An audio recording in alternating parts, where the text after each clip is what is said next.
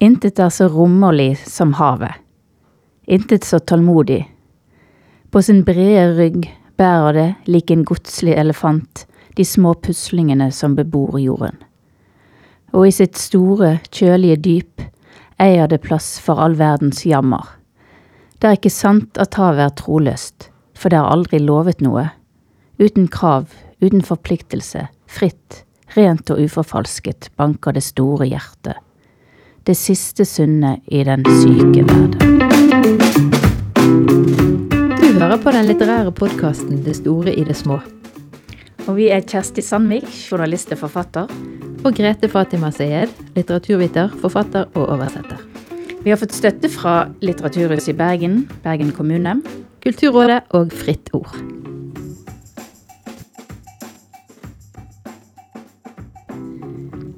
Dagens episode handler om havet.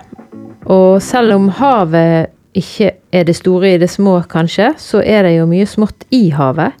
Og dessuten så føler jeg meg ganske liten sjøl stilt overfor det her grenseløse, uendelige, store. Ja, intet er så rommelig som havet, som Kielland skrev.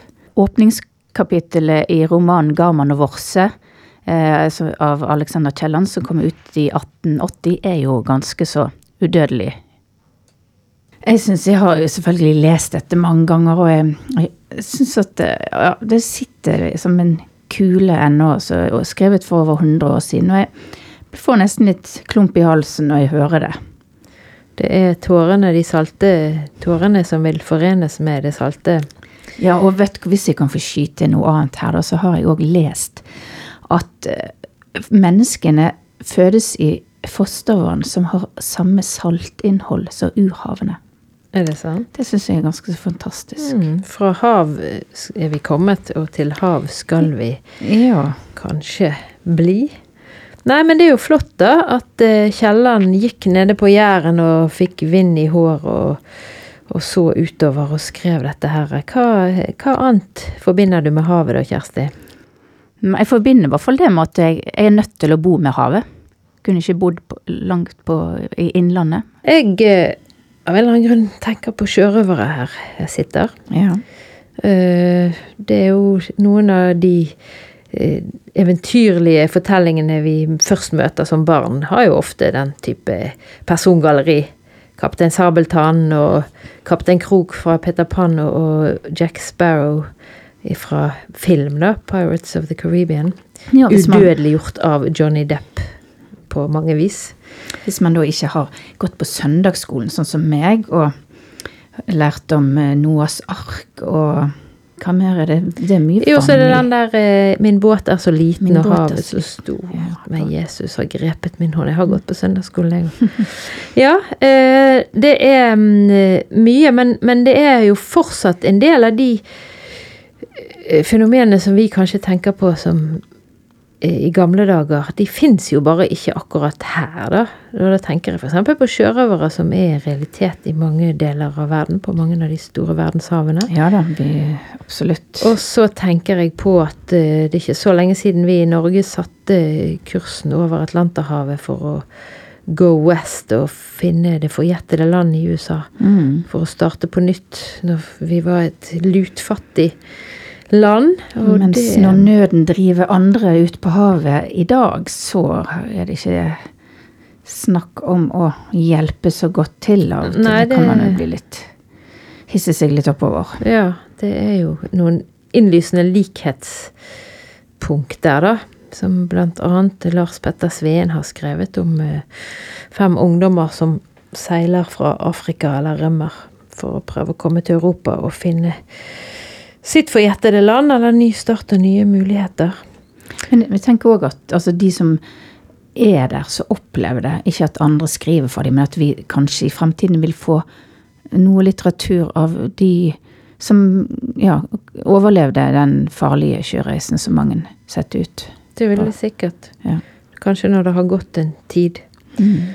Det er jo ting som må bearbeides når det er såpass traumatiske og dramatiske ting.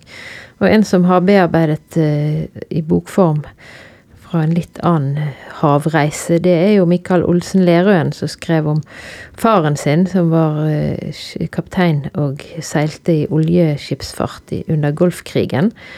Og den boken hans som òg kom i fjor, 'Pappas reise', som er temmelig kritisk til hvordan vi eh, tok oss av, eller nettopp ikke tok oss av. Både de som kom hjem og hadde traumer og angst og, og alkoholisme og det som verre er. Men òg eh, under selve krigen, da, at eh, det var kanskje penger som var det viktigste. Så der er noen tråder Mm. mellom før og nå. Eh, så sa du Noas ark. Ja, hvis vi skal holde oss til langt, langt, langt tilbake i tid, så har vi jo i vår egen eh, norrøne mytologi så har vi jo flere guder knyttet til havet. Vi har Njord, som er sjøfartens og havets gud, som kunne da sørge for god fangst. Mens Rane og Egir de representerte henholdsvis det gode og det onde knyttet til havets krefter.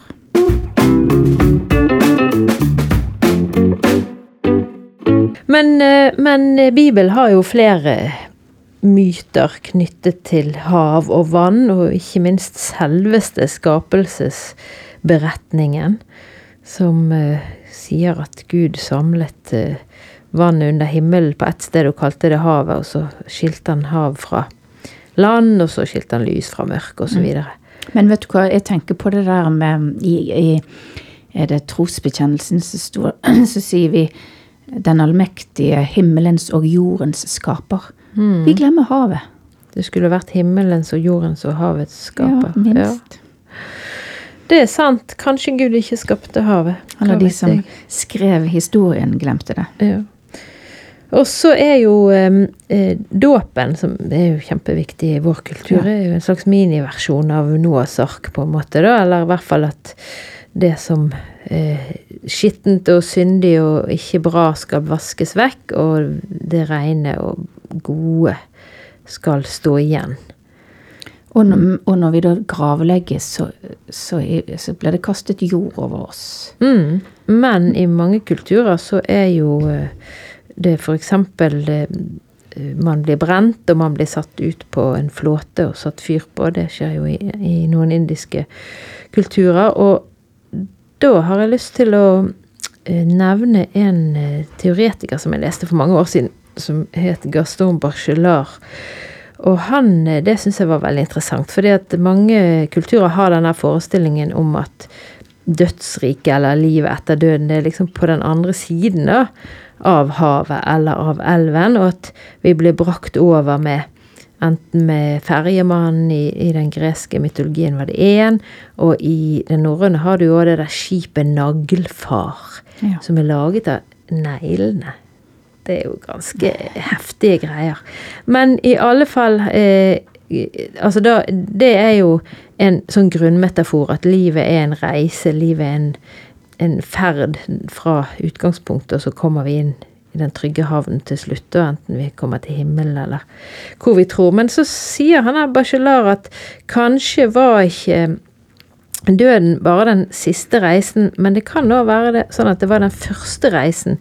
For det kan være sånn at eh, mennesket før de sjøl våget å seile ut i det ukjente og risikere å falle over kanten når jorden når trodde jorden var flat, så, så tok vi de døde, og så bygde vi da eh, likkisten som en slags båt. Og sendte de døde i forveien eh, ut over eh, havet, sånn at det var ikke bare den siste reisen, men også den første, på en måte. Den første båten som seilte over havet i en sånn urreise. Det syns jeg er ganske Ja. kult å tenke på. Men eh, hva tenker du på Har du noen bøker som har havtematikk? Den første jeg tenkte på, var jo Hemingway. Det er lenge siden jeg har lest. Den har ikke med meg her. Og jeg kan ikke igjen fortelle så mye av den, men Den gamle mannen og havet, som jo handler om en fisker som vil gjøre et siste forsøk på å få landa en storfangst som kan gi litt inntekt. Um, Mm, det For Hemingway så var jo òg ikke bare havet, men elvene sånt, eh, viktig. Han, det var der han sjøl dro tilbake når han trengte å roe sin sjel fra verden rundt seg. Mm. Så jeg tror nok Hemingway hadde et spesielt forhold til havet. Han var jo en ivrig fisker og, og viltjeger og litt sånn Eller ikke bare litt, da, men ganske macho. Ganske Og det tenker jeg kanskje er havet noe sånn En macho-arena. Siden man må være litt tøff å tåle sjøsyke og sjørøvere og hva det måtte være. Ja, det er jo stort sett menn som har jobbet på havet òg, så Så har vi jo Ibsen, Henrik Ibsen, som har skrevet 'Fruen fra havet'.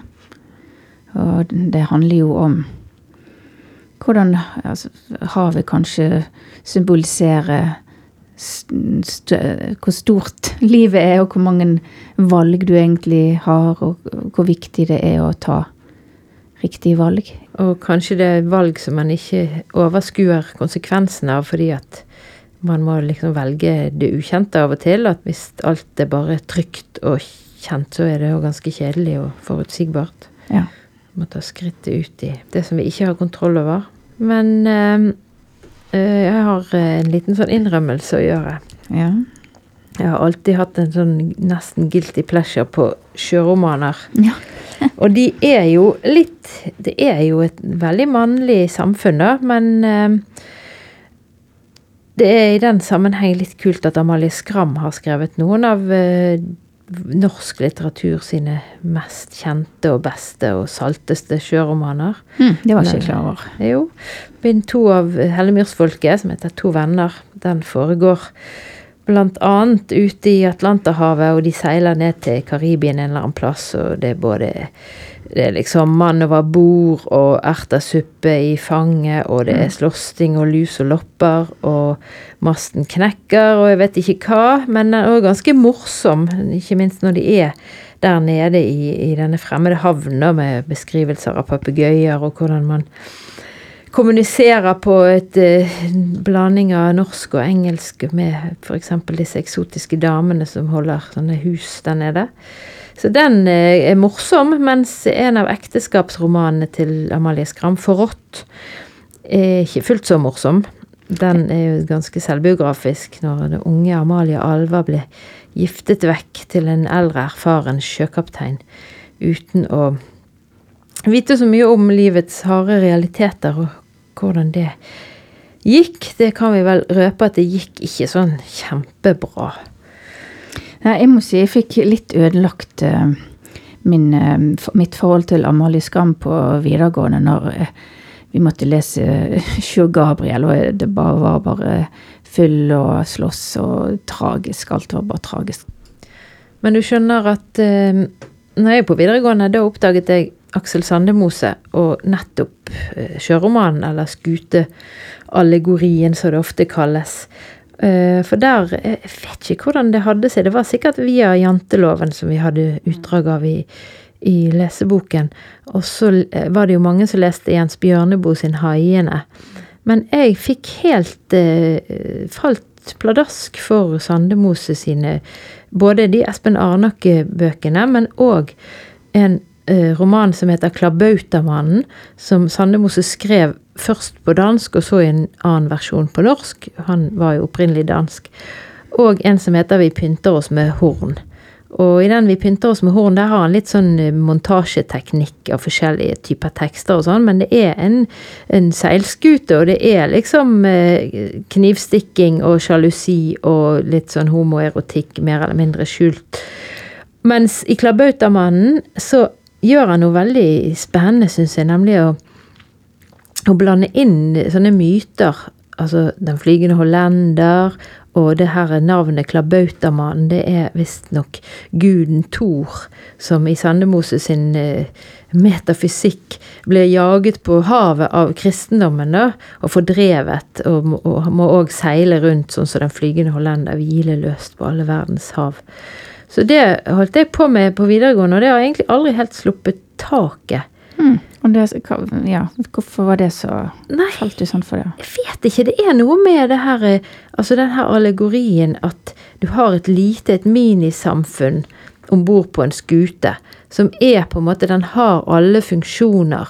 Den har kapteinen som en farsfigur eller som en gud, og så har han eh, alle nedover sånn hierarkisk ordnet, og den har gjerne en kokk som er, eh, står for de sanselige gledene eller behovene, og kanskje noen i mannskapet de er veldig ambisiøse og maktsyke, og det er konstellasjoner, og, og så er det alltid Jungmann om bord som får gjennomgå. sant, Førstereisgutten. Så et litt fortetta samfunn, litt som en variant av en øy- øy- øyroman.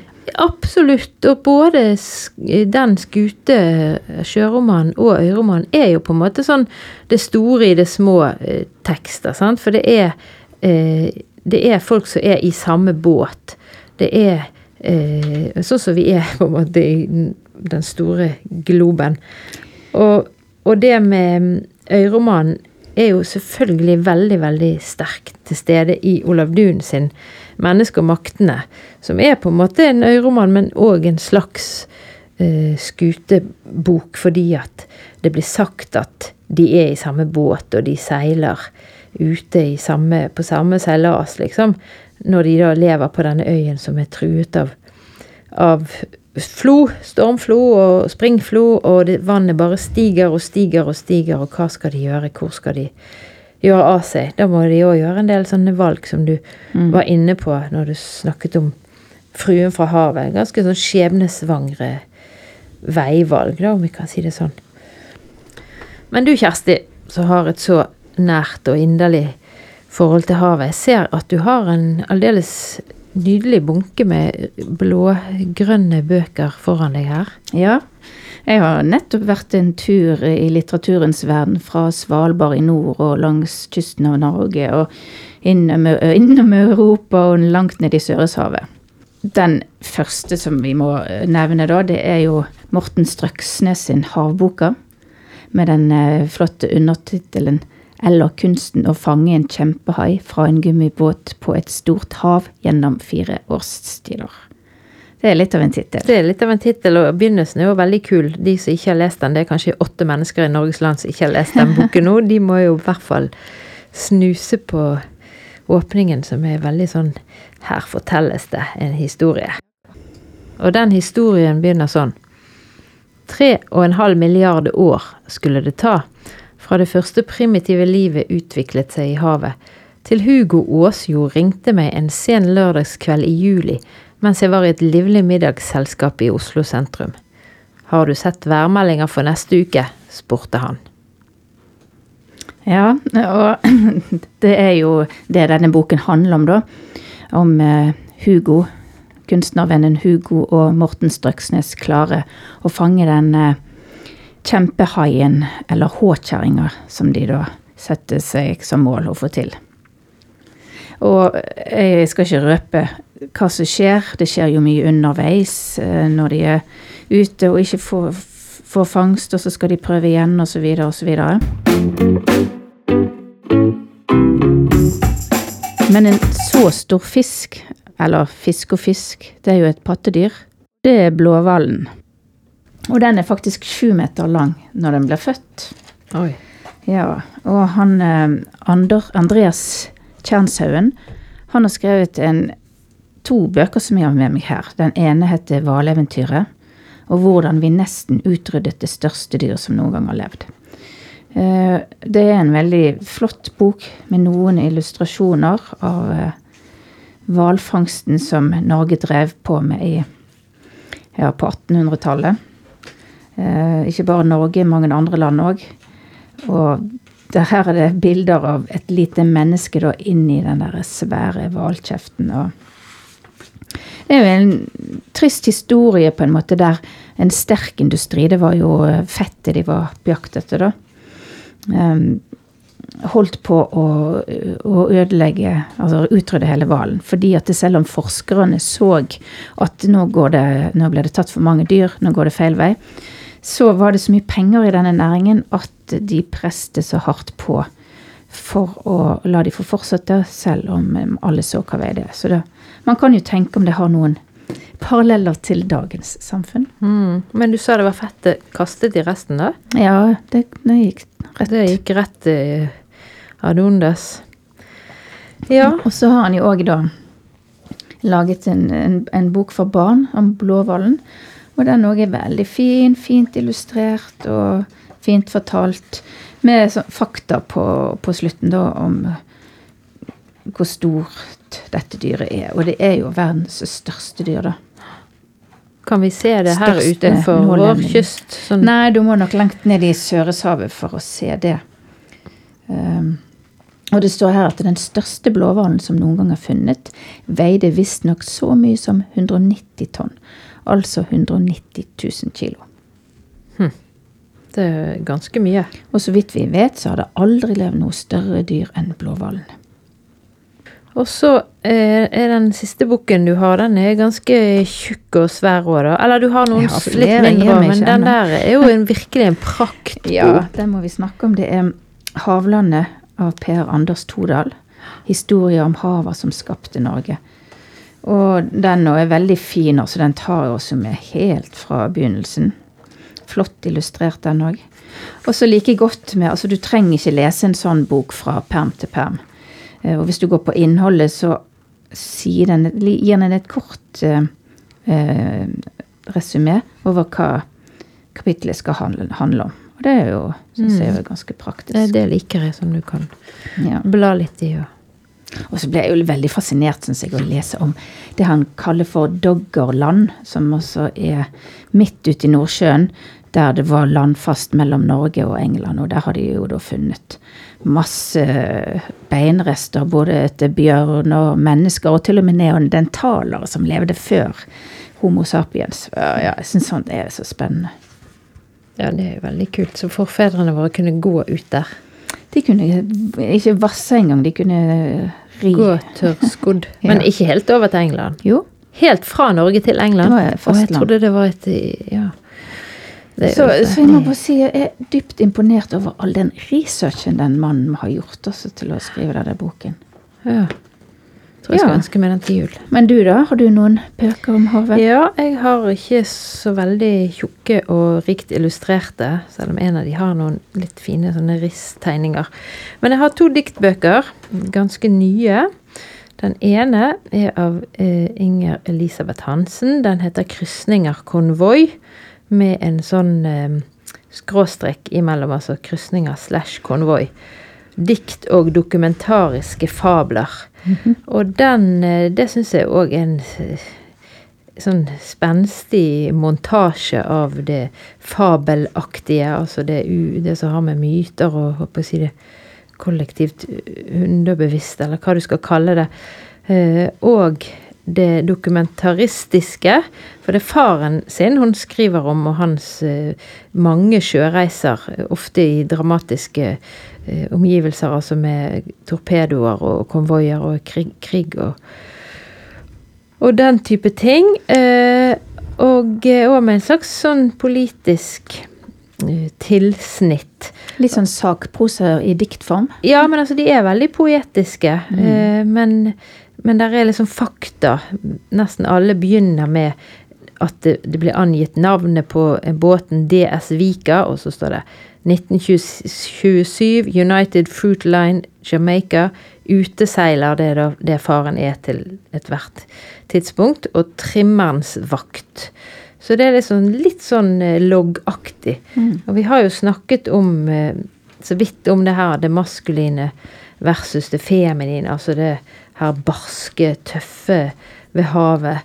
Og det at det er eh, en sånn slags kvinnelig Altså det er jo ofte sånn det formløse og kaotiske og det man kan drukne i, er jo gjerne sånn kvinnelig fremstilt.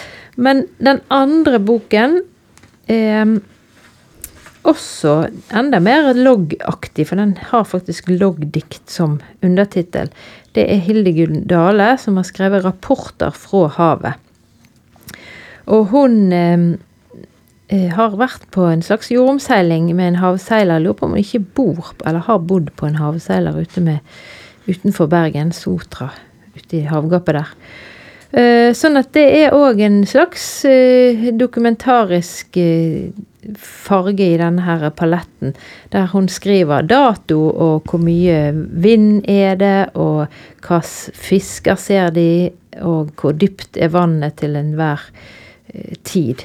Men så er det noen størrelser her, da. Poeten og kapteinen. Poeten er jo da jeget i diktboken, mens kapteinen er da mannen hennes, da. Og det er jo òg en slags både samvirke og samarbeid, men òg tidvis litt sånn konflikt, eksempel. Så litt morsomt når, når det står 'Kapteinen er lei av at poeten blander seg inn' sier praktiske menn og kvinner i bikini er to ingredienser i en vellykka seglerblokk.